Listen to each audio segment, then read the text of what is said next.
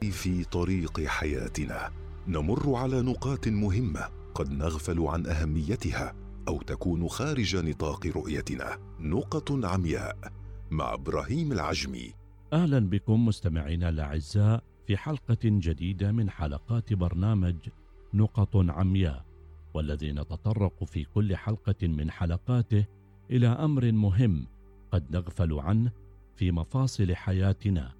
ويكون خارج نطاق رؤيتنا فنمضي في ممارسته فيشق علينا فعله أو يحرمنا الترك فوائده.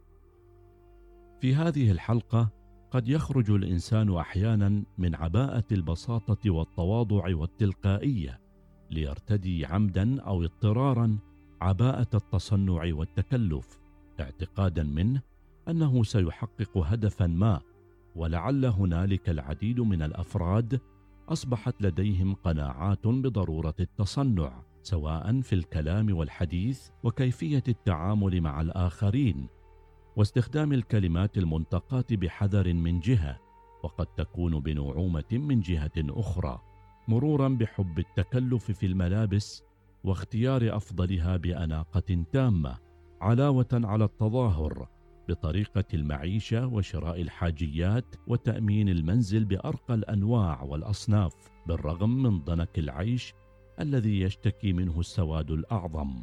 وغيرها الكثير من السلوكيات السلبية التي شكلت ثقافة تعامل وأسلوب حياة للعديد من الأفراد. كل ذلك من أجل تحقيق أهداف غير حقيقية ووهمية ولا تمت لحقيقة الإنسان بصلة فالتظاهر والتكلف في أي مجال من مجالات الحياة تمجها الفطرة الإنسانية والواقع الحياتي ولا يقبلها إلا أولئك الذين خالفوا فطرتهم وذهبوا يركضون وراء حياة شكلية صورية تجعل من عيش الإنسان جحيما ونارا حارقه رغم أن الكثير من المتصنعين والمتكلفين يحققون أهدافهم غير العادلة خاصة إذا صادفوا اشخاصا سذجا إلا أن صفة التصنع يعتبرها المتخصصون مرضا اجتماعيا خطيرا وله انعكاسات وآثار سلبية على المجتمع وأفراده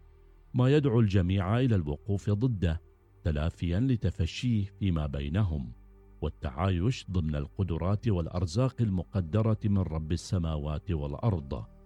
بعيدا عن التظاهر والتصنع والتكلف. ولمواجهة مثل هذه النفسيات والسلوكيات لا بد اولا من اعتبار التظاهر نوعا من أنواع الكذب والاحتيال لأن الهدف منه خداع الآخرين والتمويه عليهم.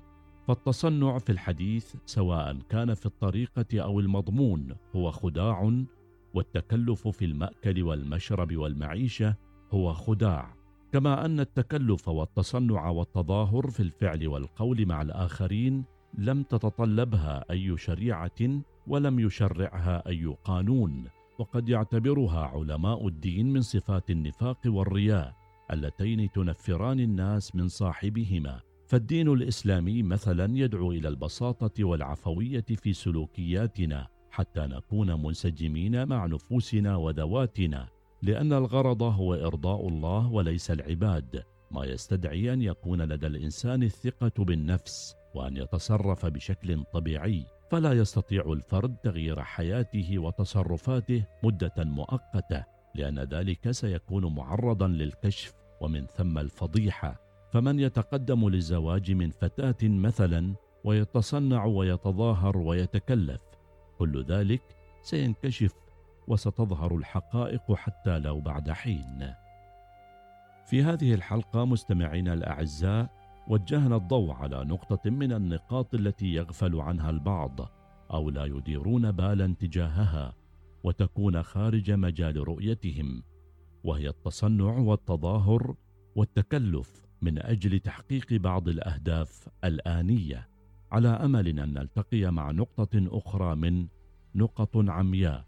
إلى اللقاء. نقط عمياء مع إبراهيم العجمي يوميا في الأوقات التالية السابعة وخمسة عشرة دقيقة الثانية عشرة وخمسين دقيقة الثامنة وعشرين دقيقة.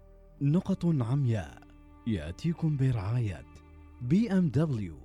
استمتع بعروضنا المميزة على جميع السيارات خلال شهر رمضان واحصل على فرصة الفوز بسيارة زد فور.